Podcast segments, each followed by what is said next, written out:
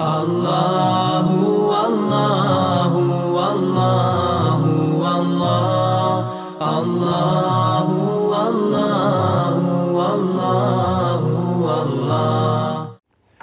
إن الحمد لله تعالى نحمده نستعينه ونستغفره ونستهديه ونعوذ به من شرور أنفسنا ومن سيئات أعمالنا. من يهده الله تعالى فهو المهتد ومن يضلل فأولئك هم الخاسرون. وأشهد أن لا إله إلا الله وحده لا شريك له وأشهد أن محمدا عبده ونبيه ورسوله وصفيه من خلقه وخليله ثم أما بعد Mi smo došli do 134. ajeta kome uzvišeni Allah za ožel kaže tilke ummetun kad halet leha ma kesebet olekum ma kesebtum wala tus'aluna amma kanu ya'malun To je narod koji je bio i prošao. Njemu pripada ono što je uradio i vas će čekati i vas čeka ono što ste uradili. I vi nećete biti pitani za ono što su oni radili. Tilke ummetun kad halet. To je narod koji je prošao. Koji je to narod koji je prošao? Prije toga smo spominjali tako, a, spominju se poslanici, pa je rečeno nakon toga Jakub, Ibrahim, Ishak, pa je rečeno nakon toga, to je narod koji je prošao. To je narod koji je prošao. I njemu pripada ono što je činio. Od dobra i od zla. A vi nećete biti pitani za njihovo dobro, ni ćete biti pitani za njihovo zlo, ako je neko od njih tako nešto činio. I u ome ajetu je dokaz da čovjek a, je odgovoran za svoja djela i da on sebi može priuštiti dobro ili zlo, u smislu da ga može učiniti, da ga može uraditi. Iako je čovjekov kompletan kudret i njegova snaga i njegova moć vezani za Allahovu volju, tako kaže Ahlusunet vol džemat. Čovjek radi i može raditi i može odabrati dobro ili zlo, ali je opet sve taj njegov odabir kompletan i njegova moć i njegov kudret vezan je za šta? Za Allahovu, za Allahovu, te barake od tala, volju.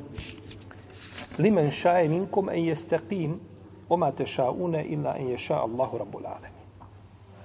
Ko od vas želi da bude na pravom putu, a vi ne možete ništa htjeti osim da to Allah hoće. Pa ne možeš biti na pravom putu osim ako to Allah želi. Pa ti imaš, ako smijemo kazati, mogućnost izbora i mogućnost slobodne volje unutar Allahove volje i onoga što on određuje, onoga što on želi. A nikako nešto van toga, ti možeš nešto što uzvišeni Allah ne želi. To je batil.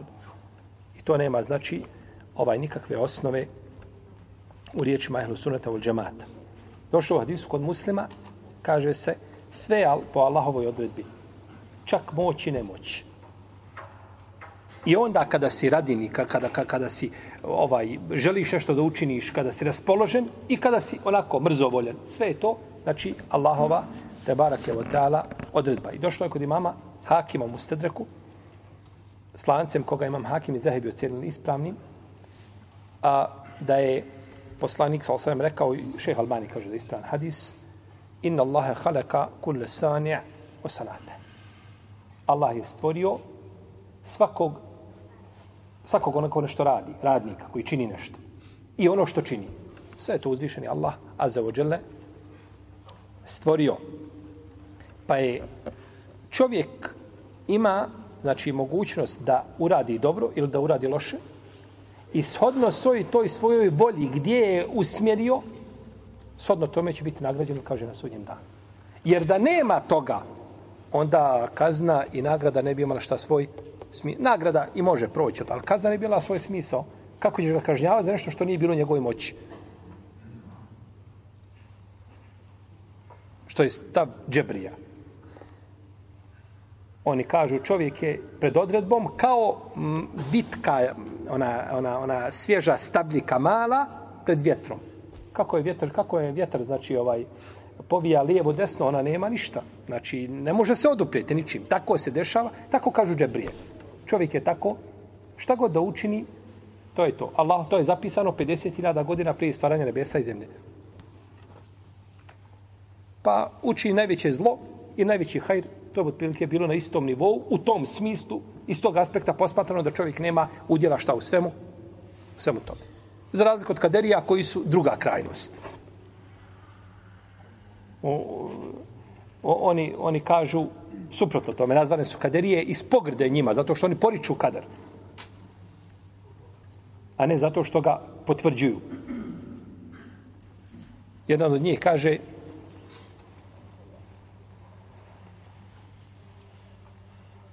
poredeći ljude i njihova djela i stvoritelja za uđel.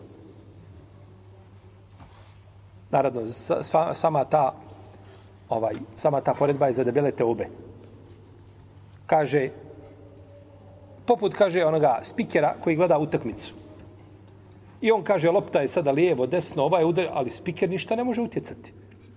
Dole se dešava nešto i ovaj od ozga samo obavještava šta se šta. On govori ljudima koji ne vide, nisu trenutno na terenu, a šta se dešava. I daje nekakvu svoju analizu, nekakve svoje pretpostavke, ali ništa, on nema dole udjela ono što je na terenu, na, te, na teren je zemlja i, i, i robovi Allahovi, a uzvišeni Allah nema nikakvog, nema znači tu odredbe nikakve da on, e, da on može nešto, ne, ne, nego to je, to je ovaj prepušteno ljudima.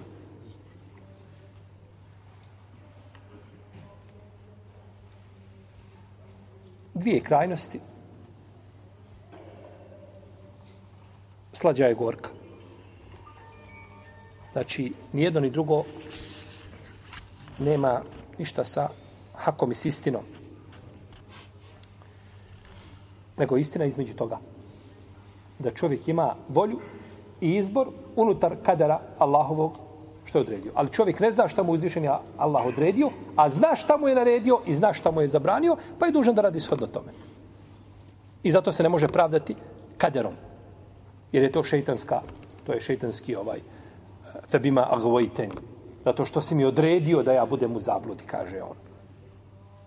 Pa se pravda kaderom, pa je to šejdansko, znači pravdanje i nažalost veliki broj ljudi se pravda kaderom i pitanje kadera su nejasnoće velike ovaj, i, i došlo u hadisu jednom da je poslanik sa osanem rekao, kaže i da zukir al kaderu fe emsiku u hadisu Ibn Mesauda, koga bliže tabarani, kaže kad kad, a, kad se spomene kader, držite, suzdržite se.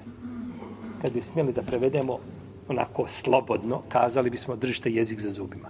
Što mi kažemo. Nemojte pričati. Kad spomene kader, nemojte pričati. Pa ti je zabranjeno da čitaš knjige koje govore o kaderu, je li tako?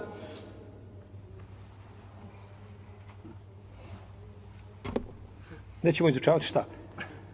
Misli se na rasprave o kaderu o ra rasprave da čovjek može sebe dovesti, kaže pa dobro, stvarno šta je sad smisao svega toga? Misli se da vodi čovjeka u rasprave koje ga mogu dovesti da pomisli o stvoritelju Azuđel nešto što, je neprimjerno ili da to se misli. Protivnom kader, o kaderu treba, to je sastavni dio našeg vjerovanja, bio on dobar ili bio loš, u njega se mora vjerovati i, i, i ne smeta poznavati tematiku kadera, međutim da ne dovede to čovjeka, znači da budu rasprave. A, Kao što došlo u hadisu Ibn uh, Abbas, ako tabaranije, kaže i da zukira ashabi fe emsiku, kad se spomenu moji ashabi, suzdržite se. Nemojte pričati. Jel, opomena svima oni koji izošli nakon toga koji su ovaj a, a, vrijeđali ashabe poslanika sallallahu alaihi sallame, došla je zabrana u hadisu kad se spomenu moji ashabi. Znači, ne smijemo pričati ni o Ebu Bekru, ni o Omeru, ni o njim odlikama, ni to kako su oni vodili državu u svoje vrijeme, ni kako su bili u odnosu na sunet poslanika. Ma nije to cilja. Nemojte pričati o njima u smislu da se raspravljate pa da jedne degradirate, duge izdižete ili izdajete mu stepen koji ne zaslužuje ili ga spustate ispod stepena na kome su ashabi slično tome. To je ciljan. Kada se spomenu ashabi, vi šutite vi šutite. Kad bi imali pravo da kažemo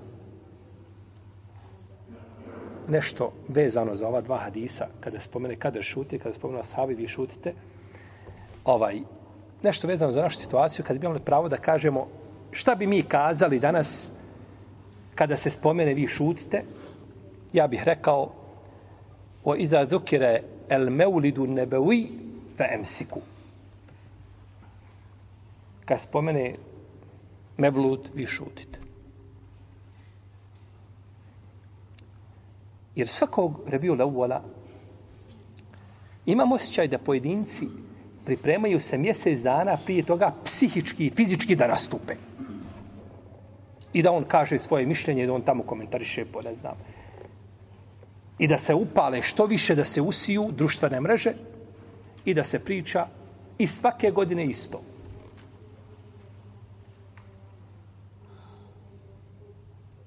Čovjek treba gledati ono što napiše ili što kaže, prvo da će biti pitan za to, to je jedno, a drugo da to koristi ljudima. Ali ponavljati jednu te istu priču svake godine, nikakve koristi toga nema. Niko nije zbog društvene mreže ostavio Mevlud, niti je, niko, niti je neko počeo praktikovati Mevlud zato što je pročitao neko, nečiji komentar na društvenoj mreži. A naš su ti komentari ima, ima uvreda, ima ovaj, ovaj ne, neprimjernog izražavanja, ahla koji svemu odgovara više nego din islam. naučio si šta je propis, naučio si šta je vjera, ideš svojim putem i praktikuješ. Mjesto da sjediš pola sati, da kucaš tamo, da nekome odgovaraš, da tražiš isječke, pa kopiraj, pa prenesi, pa ga isjeci, pa ga dodaj, pa... Uzmi sjedi, nauči stranicu Kur'ana na pamet. Uči jutarnji večerni zikr. Uradi nekakav hajr. Idi spavaj. Bolje ti da spavaš nego da komentarišeš tamo nekakve izjave. Jel,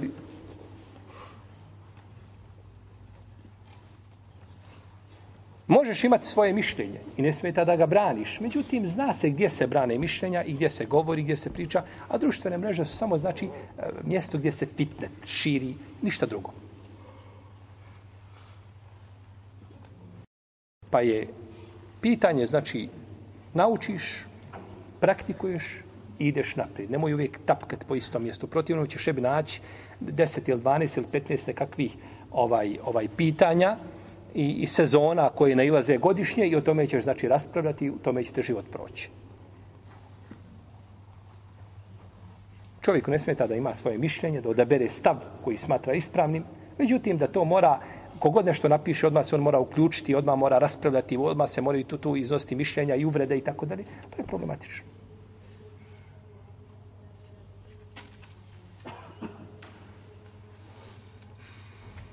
Čovjek može, kažemo, imati svoje mišljenje po pitanju jednom ili drugom ili trećem, međutim, nije nužno gdje god se pojavi neko ko je nešto rekao da ti moraš izići komentarisati. Tebe nema nigdje. Ti ćeš svoj život potrošiti po društvenim mrežama pisajući i govoreći, a vamo vozovi prolaze, nećemo naučiti osnovne stvari.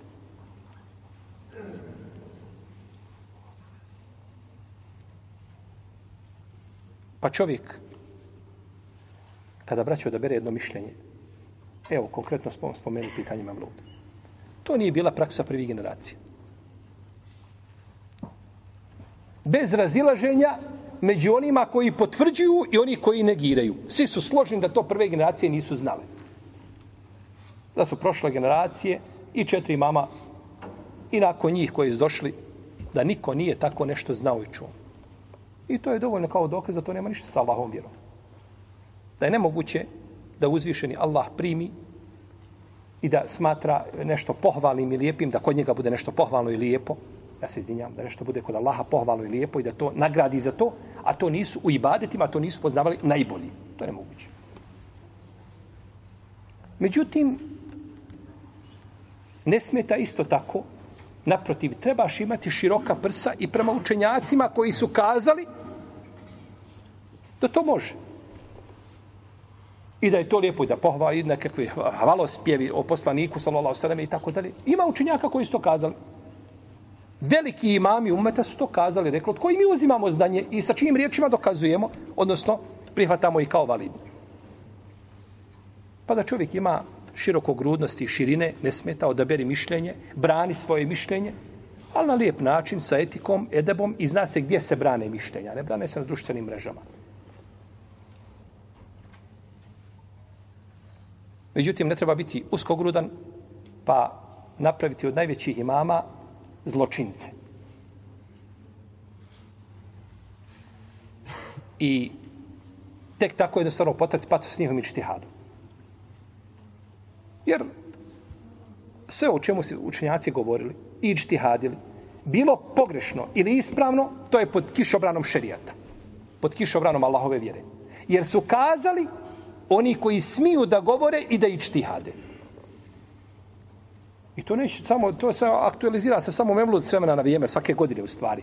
Ali uprotivno imate stotine drugih pitanja gdje su učenjaci odabrali mišljenje koje je kazali po hadisu koji je daiv. Ili je hadis više liči na, na, na lažan hadis. Nego što je vjerodostoje. Poput recimo učenja i kameta na lijevo uho novorođenčetu. Hadis je o tome batil. Čak dolazi do stepena lažnog hadisa. Ali je ništa van definitivno. Ezan oko ezana je hadis malo bolji, iako je on slab. Ali i kamet, međutim, većina učenjaka kažu da se uči novorođenčetu i kamet na lijevu. Šta ćemo raditi sa većinom učenjaka? Ne, ne, ja imam svoj stav i ja kad nekoga uhvatim, kad ga ja sperem, nikoga više prat ne treba. Jer ja tako zastupam. Dobro, ti zastupaš tako, Allah te poživio, on ima Allah da te nagradi. Međutim, gdje je sva ta ulema prije toga bila? odabrali mišljenje, imaš pravo da bra, međutim da bude etika jedebi, da bude široko grudnost, da ne bude to tek tako usko. Usko treba biti tamo gdje niko ništa od učenjaka nije nikada nije kazao. Neko došao sa nekakvim, nekakvom izmišljotinom, novotarijom, koju nikad niko rekao nije on to izmislio, nikada nema nikakve potvore, potpore u riječima učenjaka, to je nešto drugo. Učenjaci ti hadli, odaberu ono što smatraš da je ispravnije, pozivaj svoje mišljenje, brani svoje mišljenje, međutim sa etikom i sa edem. A ima i razumijevanja da oni koji su kazali suprotno tebi, da su učeniji od tebe i od mene hiljade puta, a ne jedan put i dva put i tri put. I na takav nas čuva se hurmeti muslimana, islamski učenjaka. I znaj da i oni imaju u najmanju ruku jednu nagradu koju su tako kazali. Jer su željeli hak i istinu i nisi ništa ti ljubomorniji prema Allahov vjeri od njih. I kad bi muslimani na takav način nastupali, nestalo bi dosta ti razilaženja i mržnje koje ima među muslimanima radi pitanja oko koji se oni koji su bolji od nas razišli se. Pa šta je problem da se raziđemo i da se ne složimo u pitanjima i, i, i mevluda i svi drugi pitanja gdje se ulema razišla? Šta je problem? I nećemo se nikad složiti. Zato što se ulema razišla i nakon toga svi oni koji slijedite učinjaki će se razići. To je definitivno. Međutim, bratstvo među muslimanima i ljubav jedni prema drugima, jer oni koji su kazali da mevlud nema osnove, oni su to kazali želeći da sačuvaju sunet poslanika onako kako je došao da bude originalan. A i oni su, koji su kazali da mogu hvalospjevi o poslaniku, sa osaleme, oni su to kazali želeći da, da, da poslaniku ukažu počasti njegovo mjesto da mu daju koje zaslužuje. S lijepim nijetom to uradio. Nisi to uradio, Ne radi se o neprijateljima i prijateljima Islama s jedne i s druge strane, pa sada oni gledaju jedni na druge. Radi se o ljudima koji žele hak i koji žele istinu.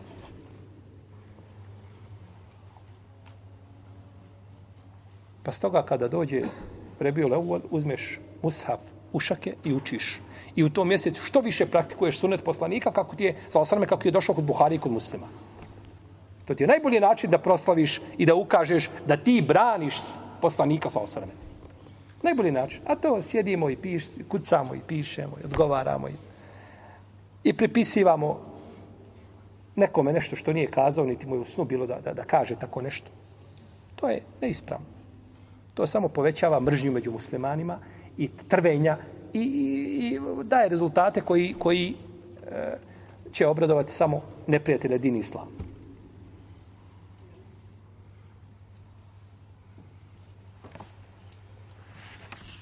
Stoga ta, ta žestina u, u odgovoru ona, ona, ona nikada neće čovjek ako želiš ukazati mu da griješi onda ona moraš kazati to na lijep način argumentirano edebom i etikom. Ja sam ovako čitao ponekad po knjigama pa vidim čovjek odgovara pa spomene imama recimo nekog učenjaka imama Hakima oni u svojim ocjenama nije bio ovaj na tom stepenu kao ima Ahmed, kao Dare Kutni, kao imam Bejheqi, iako on šeh imama Bejheqija. On je bio ovaj, eh, u ocjenama, njegove ocjene nisu na tom stepenu, ne prihvataju učenjaci kao što su ocjene tih velikih imama, Ibn Ma'ina, ne znam, Ali Al-Medinija i tako dalje. I jedan odgovara njima i kaže, i kakva je ovo katastrofalna greška od imama Hakima. Allah te nagradio, ne govori se tako. Ne govori se tako. Pa sam slušao jednog drugog muhadisa savremenog, kaže, rekao imam Hakim, hadis je ispravno po uslovima Buhari i muslima. Kaže, a ja kažem u njegovom lancu ima taj i taj, za njega je rekao taj i taj da lažo. I ode dalje. Ništo ne spominje više. Kakve katastrofalne greške, kakve kobne greške, kakve ovaj... Spomenuo si, ukazao si da, da, da, da, da e, ima problem u lancu prenosilaca i nastaviš dalje ići. Bez uvreda, bez omalovažavanja, bez, bez... Ako su naši islamski učenjaci pravili katastrofalne greške, šta onda ostalo od nas? Nisu to katastrofalne greške. To su iđtihadi, tako je smatrao, tako je kazao, previd napravio, pogriješio i tu se sve završava. Nema razvođa da ujedini muslimani, muslimanski umet i da nas okupi oko sunneta poslanika Muhammeda sallallahu sallame, a njegov sunet je dostavljen, prenešen i to je ono što uzvišenje Allah traži od nas. Jeste. iza zukire el kaderu fa emsiku. Kad se, bude, kad se spomene kader, nemojte raspravljati o kaderu, nemojte se upustati u rasprave nakon koji ćete, ne daj Bože, poreći kader. Ili ćete sumnjati u kader, ili ćete, ili ćete. To su te rasprave, znači, o kaderu koje su šta? Koje su pogrdne. Jeste. U ovome ajetu je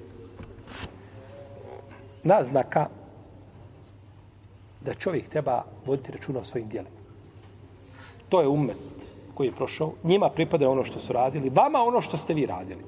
Pa se trebaš uslovno, kažemo, sloniti na svoja dijela, polagati nadu, jel, da ćete tvoja dijela nakon Allahove milosti, njegovog rahmeta, spasti, a ne nečija druga dijela. Kogod da bio. I ome aje, to je dokaz Allahove pravde prema ljudima.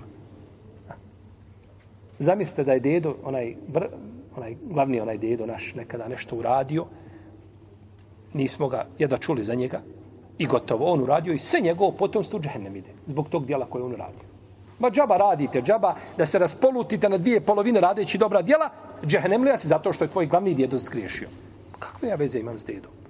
I kakve veze dedo ima sa mnom? Pa je od pravde uzvišenog Allah za da svakoga nagrađuje s ono šta njegovim dijelima koja čini. I u ovome ajetu dokaz da će ljudi na sudnjem danu biti pitani. Da će biti šta? To je narod koji je prošao. Njih čekao ono što su radili, vas ono što ste radili. I vi nećete biti pitani za ono što su oni činili. Znači, vi ćete biti, vi ćete biti pitani, ali nećete biti pitani za šta? Zato što su oni činili. Jel da nikako neće čovjek odgovarati na sudnjem danu, onda bi to, nećete biti pitani bilo bez, bez, ci, bez smisla svoga. To je nemoguće. Pa dok je rečeno, nećete biti pitani za to, znači bit ćete pitani šta? Profesor kaže učeniku i nećete pitati tu i tu lekciju. Šta to znači? Da će ga pitati ostatak iz knjige. Jer ako me nećeš nikako profesore pitati šta znači tvoje riječi, nećete pitati tu i tu lekciju. Pa nećeš me nikako pitati.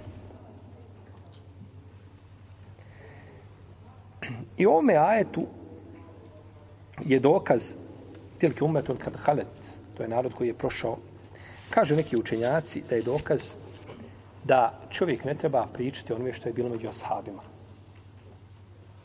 Tako rekao Ibn Musayyib. Iako je to poznatije od, od Omera ibn Abdelaziza, rahimahullahu teala, da je rekao, kada je spomenuta fitna ashaba i ono što je bilo među ashabima, o čemu pojedinci dok sjedne da priča, njemu je priča da on riješi fitnet koji je bio među ashabima. Ima i s desetine, po 70-80 predavanja s o fitne ashaba. Allah te uzvišeno, kakva je korist tome da ti pričaš u vremenu? Fitna ashaba se može pojasniti u kratkim crtama, ne ulazeći u nekakve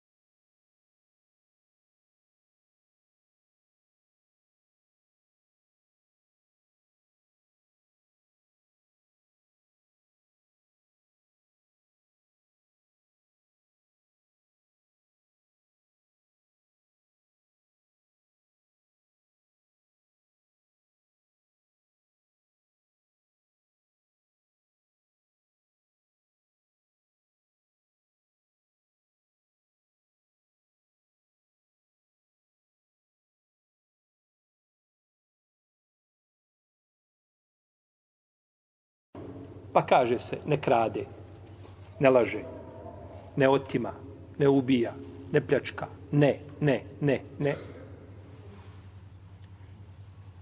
Pitaš čovjeka, kakav si ti? Kaže, ja, ja, moje srce je ko brdo. Ne mislim nikome loše. Ne kradem, ne pljačkam. Neću harama, Bože čovjek. Ne treba bi tuđe, igla mi tuđa ne treba. Ne treba mi, ne treba. I spominje u pohvali sebe sve ono što ne čini. A čovjek se ne može pohvaliti onim što ne čini. Jer ono što ti ne činiš, je to postoji ili ne postoji? Šta je s time? To je nešto ne postoji. Znači, ne krade, što ne postoji.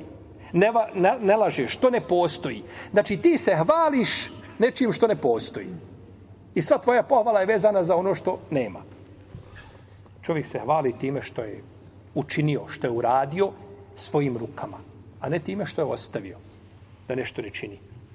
Jer ti svakako nemaš pravo to da činiš. Pa je onaj ko se hvali onim što ne čini, znajte da, ne čini, da taj ne čini ništa. On nema dobrih djela da se njima pohvali. Čovjek se hvali time što je redovan u džami, što je e, primjeran musliman u društvu, čini im dobročinstvo, što brine o siročadi, gradi džamije, ovaj, na uslozi je e, ljudima koliko može pomoći, lijep odnosima prema komšijama. To je, to je pohvala. A nije pohvala, ne kradem, ne, ne, ne otimam, ne, nikome ne želim. Kaže, ja nikome ne želim zlo.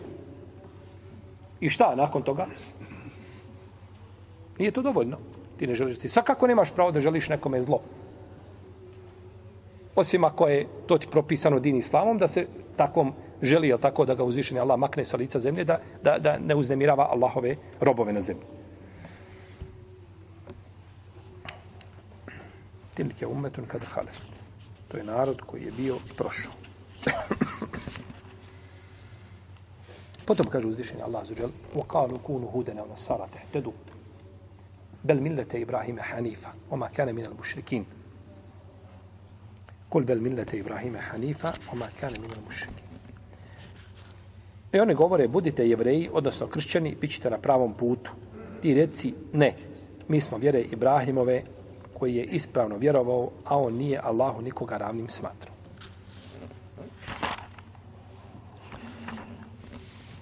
I govore, budite jevreji ili kršćani.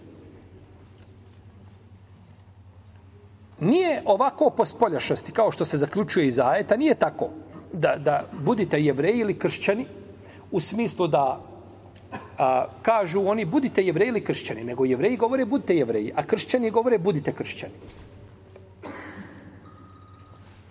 Pa je svaka od dvije skupine a, pozivala onome što smatra da je ispravno.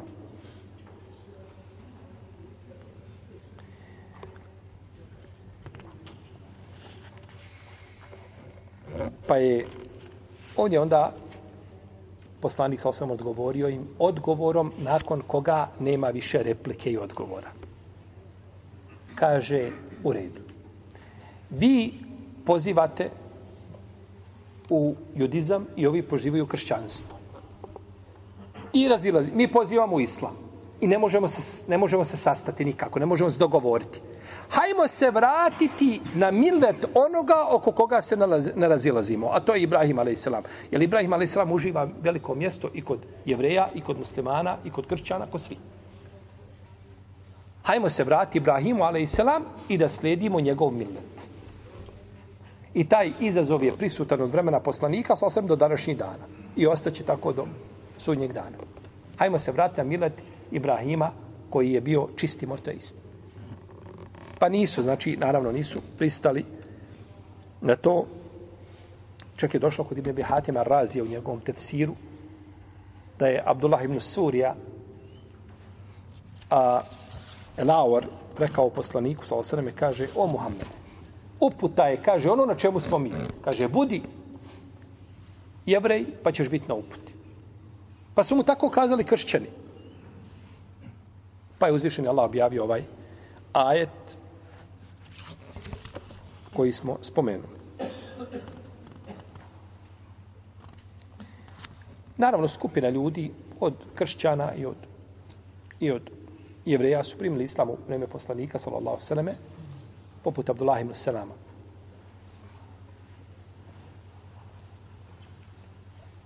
I Varaka ibn Neufa. Je on primio islam? On je umro odmah nakon smrti poslanika, sallallahu sallam, Ima hadis o njemu da ga je poslanik vidio u bijeloj odjeći. Hadis kod mama Ahmeda. A, dalo bi mu se možda i prigovoriti. A, on je povjerovao i rekao ja bi te pomogao da, da, da, je tako? I rekao da je to od, od, od ovaj, da, da, da mu je došao Džibril. I zato ga Ibnu Hajar, Ibnu Hajar ga spominje u trećem tomu u svom dijelu Lisabe kome je govorio o sahabima. Spominje Varaku ibn Neufela. I spomenuli su ga među sahabima ibn Kanija. Spomenuo ga Imam El Begawi. A, I drugi učinjaci koji spisali o ovoj tematici poput Ibn Sekena i drugi. Spomenuli su ga među sahabima. Spomenuli su a, među je tako, ponekad se razilaze u vezi s određenim ashabom. Je li ashab bio, nije bio ashab? Zato što nema ništa jasno, nema rivajeta koji bi potvrdio, ili ima rivajet koji je došao daif. Prenosi neko od poslanika sa osam. Je li ga vidio? Ako kaže čuo sam i rivajet ispravan time, jedan od načina potvrde e, uh, suhabeta jeste znači i to da dođe u vjerodostojnom, je tako, rivajetu. Pa onda, jel, onda se vira kako ima Mahmed spomenuo u svojom musledu, koliko ima bliže hiljadu ashaba je spomenuo, znači koje je poredao tako, koji su potvrđeno. Za većinu ashaba se ne znaju njihova imena. Nikak. Ne znamo ni ko su, ni šta su. Ne znaju se imena, znači zna se za jedan dio, međutim, većina njih nije spomenuta jel, u hadisima. Što kazuje da nisu svi ashabi šta? Bavili se naukom, prenošenjem hadisa, vidjeli poslanika, su čuli od njega ono što su čuli i otišli svome narodu, ovaj prenosili ono što su znali, a ne zna se, znači, za njih.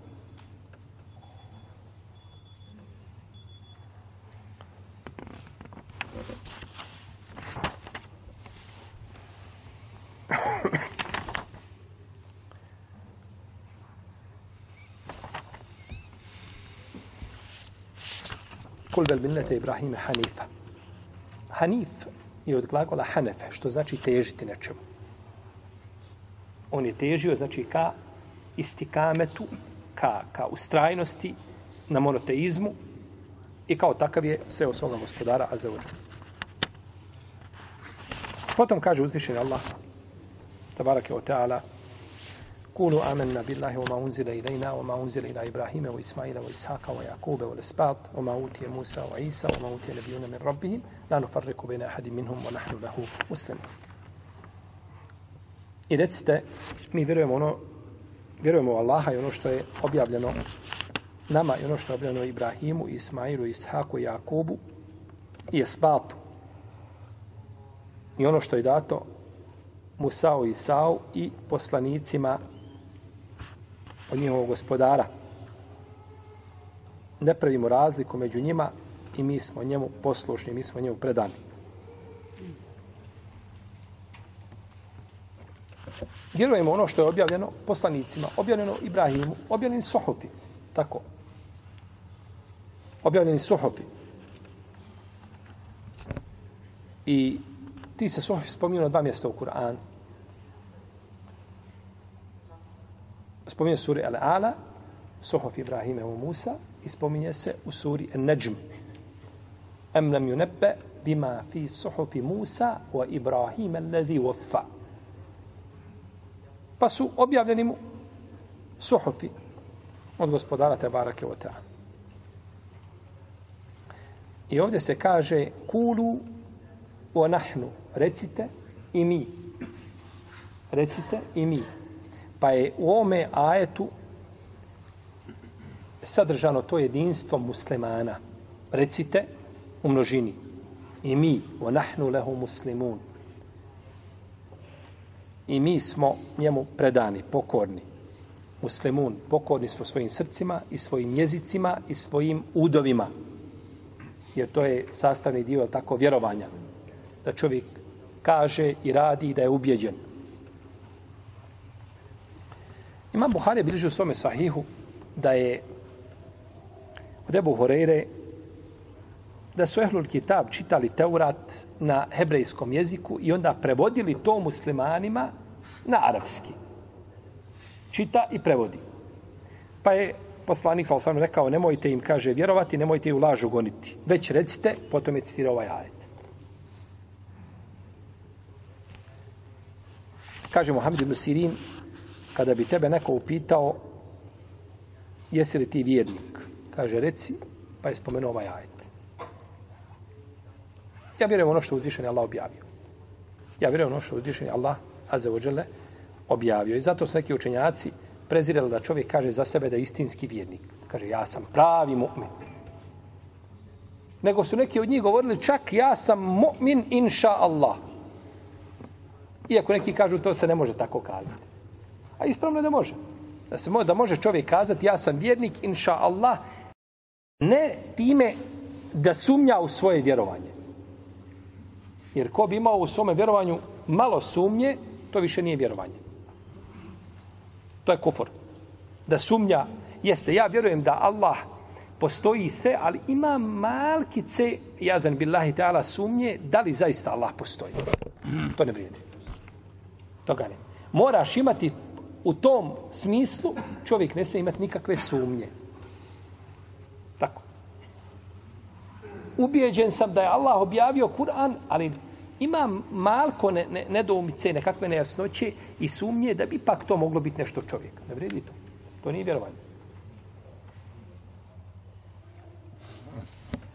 Ali ako čovjek kaže ja sam vjernik, inša Allah, želeći time kazati ja sam vjernik, inša Allah, želeći sebe hvaliti i da on govori o sebi nešto što možda nije u u potpunosti, onda nema smetnje da kaže ja sam vjernik, inša Allah.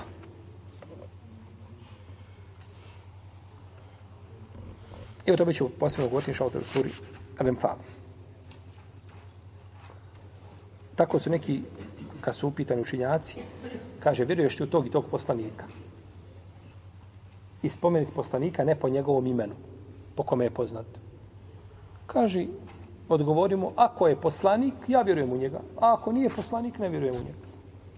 Jer ponekad ti spomene, znači ne znaš da li je. A većina, ja sahaba spomenuto, većina je ovih poslanika spomenuti su u Kur'anu, koji su spomenuti, je tako? A rijetko se, znači, neko spominje u sunnetu ko nije bio spomenut u Kur'anu. u Rusulen kad kasa snahom alejke min kabl, u Rusulen nem alejke. Ima poslanika o kojima smo ti govorili, a ima i onih o kojima ti nismo ništa kazivali. Ovdje se spominje el espat. El espat, to su unuci Jakuba. El espat nije poslanik, čovjek se zove el espat. Nego to su unuci Jakuba koji su ovaj živjeli nakon njega I onda se učenjaci razilaze da li su oni bili poslanici ili nisu bili poslanici, ili su neki od njih bili poslanici, ili kako je, znači razilaženje među učenjacima. Uglavnom, misli se ovdje na unuke, na unuke koji su živjeli nakon toga. A bilo ih je 12. Bilo ih je 12. Kako znamo da je bilo 12? Što je nije bilo više. Uzvišeni Allah kaže, spominjući Jusuf, a.s. da je rekao inni ra'eitu ehade ašara keukeben o šemse wal kamara, ra'eituhum li sađidi. Usnio je Jusuf da je njemu činilo 11 zvijezda šta? Da su mu se poklonili, da su seždu mu činili. I on je 12. Pa je nije bilo 12. I svakom od njih je nakon toga imao je ummet je iza sebe ostavio. Brojne, znači potomke. Jer nekada je bilo pohvalno da čovjek ima puno djece. Da ima puno šta. A ne može imati puno djece ako, šta? Ako se nije rano ženio, tako?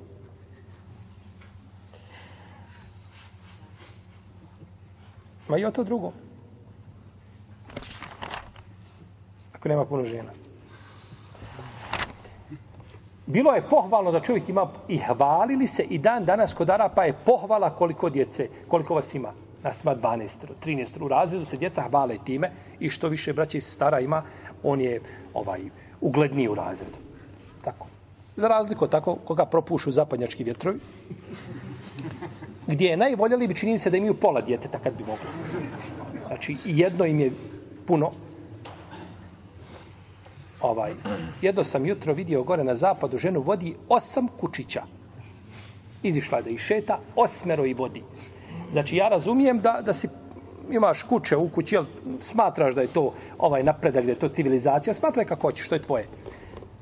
Ali osmero, da joj spomeneš jedno dijete, samo, samo ubistvo bi izvršilo. Da, da ima dijete. I onda to naravno to pređe jel tako u naša podneblja i onda ovaj kako ćeš je izdržavati, kako ćeš je odgajati. Ko može izdržavati jedno dijete, može i troje. Ko može odgojiti jedno, može i troje. Ko ne može jedno, ne može ni jedno. Jer u redu? O, nema zaista. Ko ne može jedno, ne može ni jedno. On ne može ništa uraditi. Jer on je nemoćan. Pa je brojno potomstvo za to pripada nagrada čovjeku. Dovoljno je to što će, što će se poslanik radovati tom potomstvu i ponositi se na sudnjem danu. Da nema ničega drugog od nagrade, to bilo dovoljno. Da, da usrećiš tvoga poslanika sa osreme tvojim djelom. Nema ti ništa bolje od toga. Sehl ibn Hanzalija je imao, on nije imao, Allah ga nije počastio potomstvom. Kaže da mi se rodi dijete i da kaže subhanallah. Potom kaže da mu duša odma izađe, kaže draže mi je nego sve što je sunce obasjalo. Da od moga potomstva ima neko ko će kazati subhanallah, alhamdulillah, la ilaha illallah. Za sve to imaš nagradu. A ako ga ne uspiješ odgojiti, izvesti ga na pravi put, a to nije u našim rukama, to je Allahova volja, hoće da ga uputi, nemaš kazne. Pa se u svakom slučaju plus. I tvojim lijepim nijetom i tako dalje. I ovi spalt, ova, ova, o, o, znači ovi potomci koji su bili, oni su došli nakon toga sa, sa tim narodima brojnim i to je namjesto plemena u arapskom u arapskom jeli, onome narodu. Kaže Ibn Abbas da su poslanici bile od Benu Israila osim Nuha i Šuajba, Huda i Saliha i Luta, Ibrahima, Ishaka, Jakuba, Ismaila i Muhameda Sosan. Samo njih 12 da su bili Arapi. Međutim, naravno, dalo bi se i oko ovoga raspravljati. I mi ne pravimo nikakvu razliku među njima. Mi ne pravimo nikakvu razliku među njima.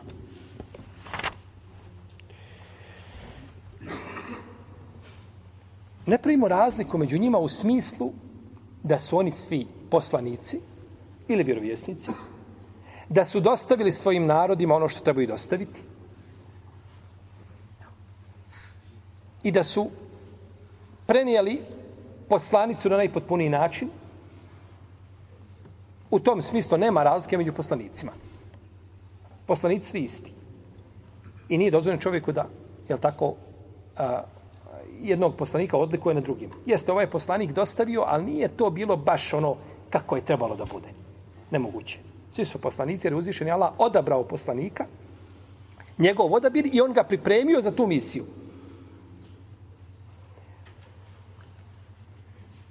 A to da a, slijedimo jednog mimo drugoga, pa da kažemo da je jedan bolji od drugoga, to nije problematično. Pa mi slijedimo poslanika Muhameda, sa osnovne slijedimo vjerozakonike ostalih poslanika. I odlikovati jednog poslanika na drugim, to je, jel tako, našeg poslanika, sa osnovne. Pa posle njega dođe Ibrahim, a.s. pa Musa, pa Isa, Nuh, je tako, je od svakako od pet odabranih poslanika. Pa odlikovati jednog na drugima nije sporno, ali bez znači a, rasprave o tome isto tako, jer zato je poslanik rekao, nemojte da me neko, nikome, niko nema pravo da kaže da je bolji od Junusa ibn Meta.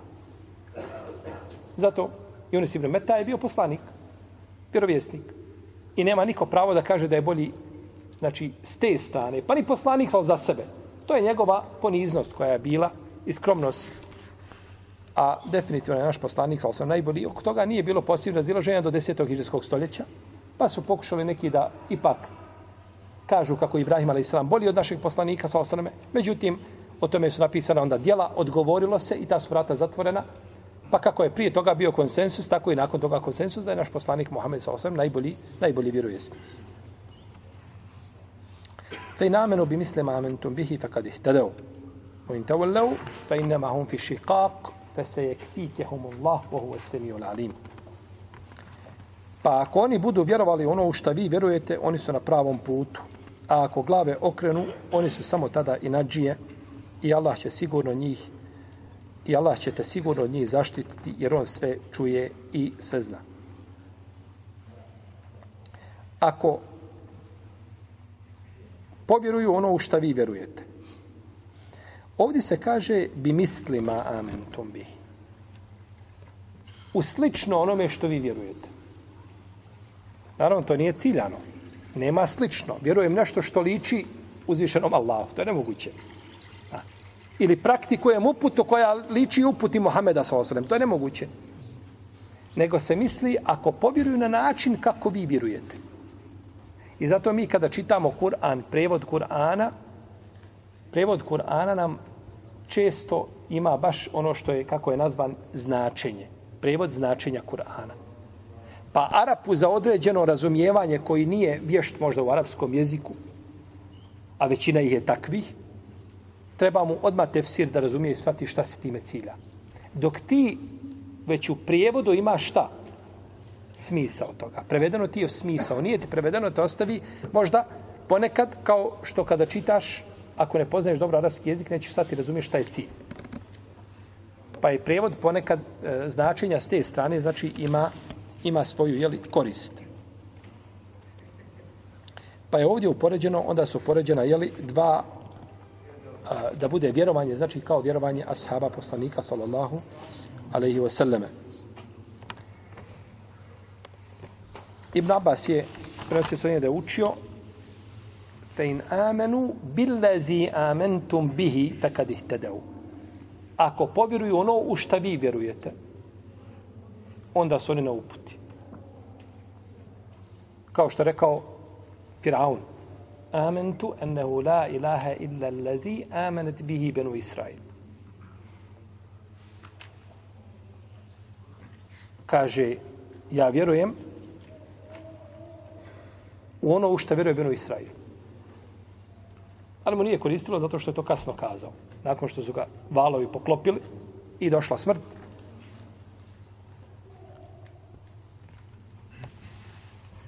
Pa je ova, ove riječi, ovaj učenje, ovaj kirajet Ibn Abasa, on nije mutevatir. A sve što nije mutevatir, ne može, ne može se time potvrditi Kur'an. Ali može kirajet koji nije mutevatir, on može poslužiti kao tefsir. Kao značenje, znači, kao tefsir. Svakako, mutevatir kirajet, oni tumače jedan drugi, i tefsir jedan drugi, a i ne mutevatir, kirajet može poslužiti kao tefsir ponekad.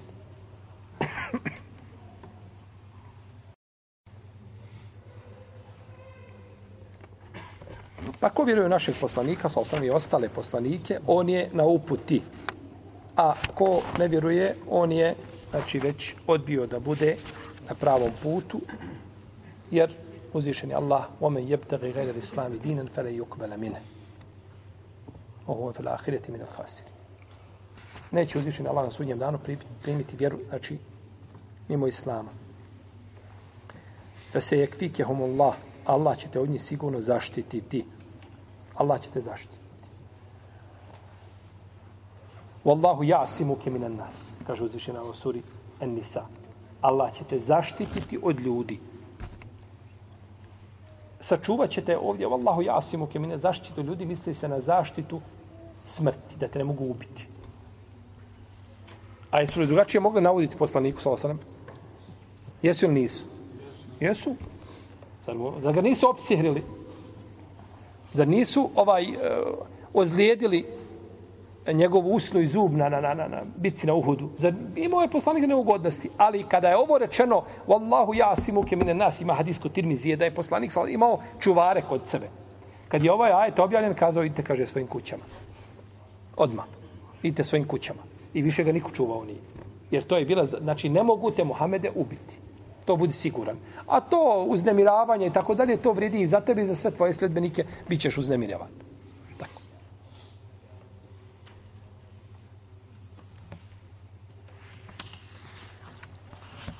Da se ekvike humullah. Allah će te sigurno od njih zaštititi.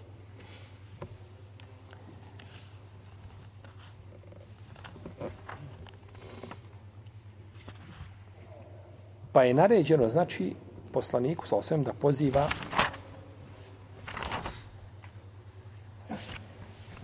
ljude i da se ne boji da će, da će, da će neko nauditi. Nego ustraje na onome na čemu jesi Allahu poslanič. A ako se okrenu, oni su samo ti koji žele s tobom da se razilaze i da se raspravljaju i izražavaju svoje neprijateljstvo prema tebi. Iz toga zaduženi bili jedni, drugi i treći da slijede poslanika sa osreme i da mu se pokore. Iz toga danas ono što se želi napraviti od teuhidul edijan, zbližavanje vjera. U kom smislu zbližavanje vjera? Recimo. Šta misliš pod riječu zbližavanje vjera? Ako misliš pod tim da mi jedni druge poštujemo, i da jedni druge uvažavamo i da jedni drugima budemo dobročinitelji. To nije sporno, to uvijek u islamu ima. Da se lijepo opodiš prema svome komši, da ovaj da mu budeš uslov za ko možeš pomoći, iako bio nemusliman. Nikakve, to kod nas muslimana nije sporno nikad bilo. Ali ako misliš po time, hajte malo vi popustite, a i mi ćemo malo popustiti, pa ćemo se naći negdje na srednjem putu. Od toga nema ništa. Osim ako misliš pod tim srednjim putem koga je uzvišen Allah spomenuo u Kur'anu o kezalik je džalnakom ummeten wasata. Tako su vas učinili srednjim ummetom. Ako misliš tim, tim putem, da taj put nije problematično nikako. Sastaćemo se na kuranskim postavkama i sunetu poslanika sa osaname. Međutim, zbližavanje u smislu popusti ti malo pa ću i ja malo.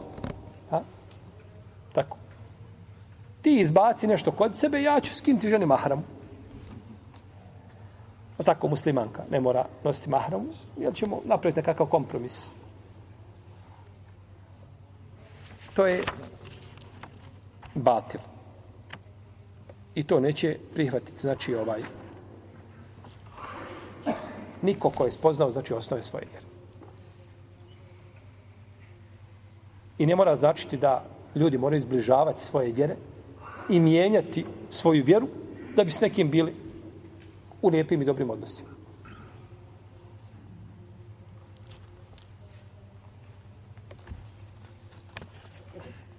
Fese je Allah. I Allah ti je dovoljan. On će te zaštiti tvoji neprijatelja. I svi oni koji se tebi suprostavljaju i koji rade suprotno tvoji uputi. Kaže se da je na ovaj ajet pala Osmanova krv kada su došli nepravednici, zločinci da ga ubiju, on je učio Kur'an. Pa je došla njegova žena Fatima bintul Farafisa, pa kaže se negdje da je htjela svojim hijabom da ga pokrije, da ga prekrije, da ga ne vide. A u drugoj se kaže da je skinula svoju, da, da svojom kosom htjela da ga prekrije, mala bujnu kosu i dugu kosu. Pa je rekao, kaže, ostavi hijab na glavi, kaže, vallahi, kaže, da te vide, kaže, bez hijaba, to je za, kod mene, kaže, teže meni pada, nego kaže da me ubiju. I Allah talano. Pa su ga ubili, pa se kaže da je krv ovaj a, pokapala taj ajet. Allah će te sačuvati. E, došlo u hadisu kod Tirmizi, kod mala mađe i drugi sa vjerodostojnim lancem prenosilaca od Ajša radi Allah da je poslanik sam rekao Osmanu, kaže, Allah će te, Allah će te odjevnuti košuljom Pa kaže, ako budu htjeli licemjeri, kaže, da ti skinu tu košulju, nemoj, kaže, skidati je dok me ne sretneš. Nemoj, i to mu je tri puta ponovio. To je bio i šaret, znači da će biti ubijen, Osman. Allah će dati košulju, a to je košulja hilafeta. Da predvodiš muslimane i da ti budeš odgovoran za, za njih, da budeš njihov vođa. A doće oni kojima to ne odgovara. Buntovnici koji su prije toga se borili i nakon toga se borili protiv ashaba, i Alija morao zbog toga vojsku dići, koji su došli da ubijaju i da prave nered u muslimanskom društvu. Pa nemoj, kaže, skidati je, dok mene srtneš. Pa je tako preselio, radijallahu ta'ala, anhu. I ome ajetu je i šaret da se čovjek osloni na uzvišenog Allaha. U svojoj davi, u govori, u pozivu. Znači, ne ilazit ćeš na prepreke, na, je tako? Na uznemiravanja. Nekad je to bilo pjesnici da uznemiravaju. Danas si na naslovnoj stranici, negdje, je tako? Pustite negdje na ta, svome Facebooku, tamo na svojoj stranici, negdje te pusti. Tako. I sjeće nešto ono što njemu paši odgovara i postavi. Bićeš uznemiravan, to definitivno. Pa i dok si musliman koji ideš u džamiju, bit ćeš, neko će te slikati, neko će te tamo pribilježiti negdje. U nekakvom ćeš defteru biti, negdje će biti zabilježen. Moraš biti zabilježen. Međutim, čovjek se treba strpiti, osloniti na uzvišenog Allaha za uđel. Ome je te vakil Allah, fehu hasbu. Ako se osloni na Allaha, on mu je dovoljan.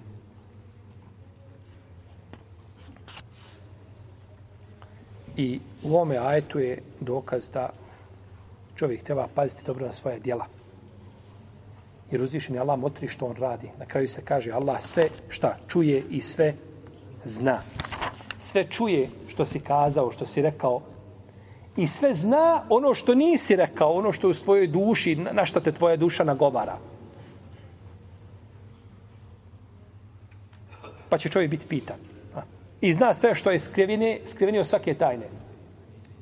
Oma teskutu mi mora katin ila jalemo. Niti list u gori negdje da padne su i list, a da uzvišenje Allah za njega ne zna.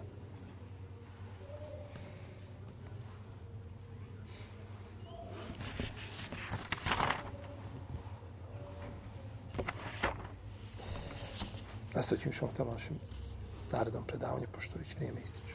Allah ta'ala nama sami nama rada Muhammed wa ala alihi wa Allahu, Allahu, Allahu, Allahu.